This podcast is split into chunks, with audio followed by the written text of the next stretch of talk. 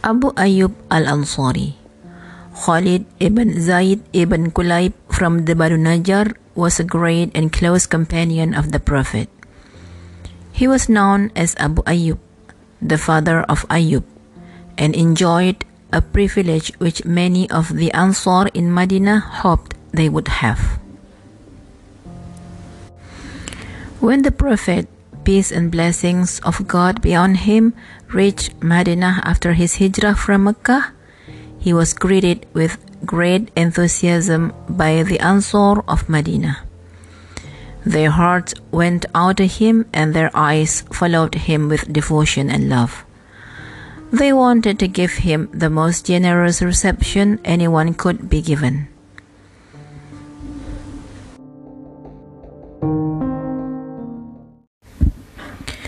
The Prophet first stopped at Quba on the outskirts of Medina and stayed there for some days. The first thing he did was to build a mosque which is described in the Quran as the most built on the foundation of piety. Surah At-Tawbah 108. The Prophet entered Medina on his camel.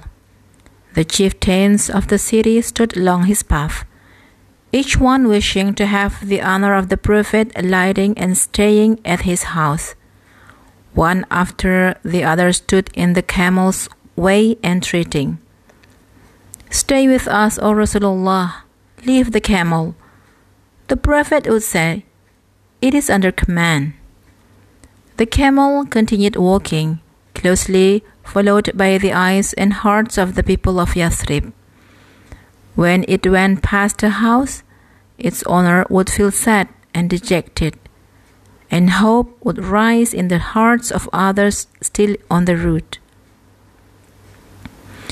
The camel continued in this fashion, with the people following it until it hesitated at an open space in front of the house of Abu Ayyub al Ansari. But the Prophet, upon whom be peace, did not get down. After only a short while, the camel set off again, the Prophet leaving its reins loose. Before long, however, it turned round, retraced its steps, and stopped on the same spot as before. Abu Ayyub's heart was filled with happiness. He went out to the Prophet and greeted him with great enthusiasm. He took the Prophet's baggage in his arms and felt as if he was carrying the most precious treasure in the world. Abu Ayyub's house had two stories. He emptied the, upper floor of his and his family's possessions so that the Prophet could stay there. But the Prophet, peace be on him, preferred to stay on the lower floor. Night came and the Prophet retired. Abu Ayyub went up to the to the upper floor. But when they had closed the door, Abu Ayyub turned to his wife and said, Woe to us! What have we done? The messenger of God is below, and we are higher than he. Can we walk on top of the messenger of God? Do we have come between him and the revelation? If so, we are doomed. The couple became very worried, not knowing what to do. They only got some peace of mind when they moved to the side of the building, which did not fall directly above the Prophet. They were careful also only to walk on the outer parts of the floor and avoid the middle. In the morning, Abu Ayyub said to the Prophet, By God, we did not sleep a wink last night, neither myself nor Umm Ayyub. Why not, Abu Ayyub? asked the Prophet. Abu Ayyub explained how terrible they felt being above while the Prophet was below them, and how they might have interrupted the revelation. Don't worry, Abu Ayyub, said the Prophet. We prefer the lower floor because of the many people coming to visit us. We submitted to the Prophet's wishes. Abu Ayyub related, Until one cold night, a jar of ours broke and the water spilled on the upper floor. Um Ayub and I stared at the water. We only had one piece of velvet which we used as a blanket. We used it to mop up the water out of fear that it would seep through to the Prophet. In the morning, I went to him and said, I do not like to be above you, and I told him what had happened. He accepted my wish, and we changed floors. The Prophet stayed in Abu Ayyub's house for almost seven months until his mosque was completed on the open space where his camel had stopped. He moved to the roads which were built around the mosque for himself and his family. He thus became a neighbor of Abu Ayyub. What noble neighbor to have had! Abu Ayyub continued to love the Prophet with all his heart, and the Prophet also loved him dearly. There was no formality between them. The Prophet continued to regard Abu Ayyub's house as his own. The following anecdote tells a great deal about the relationship between them.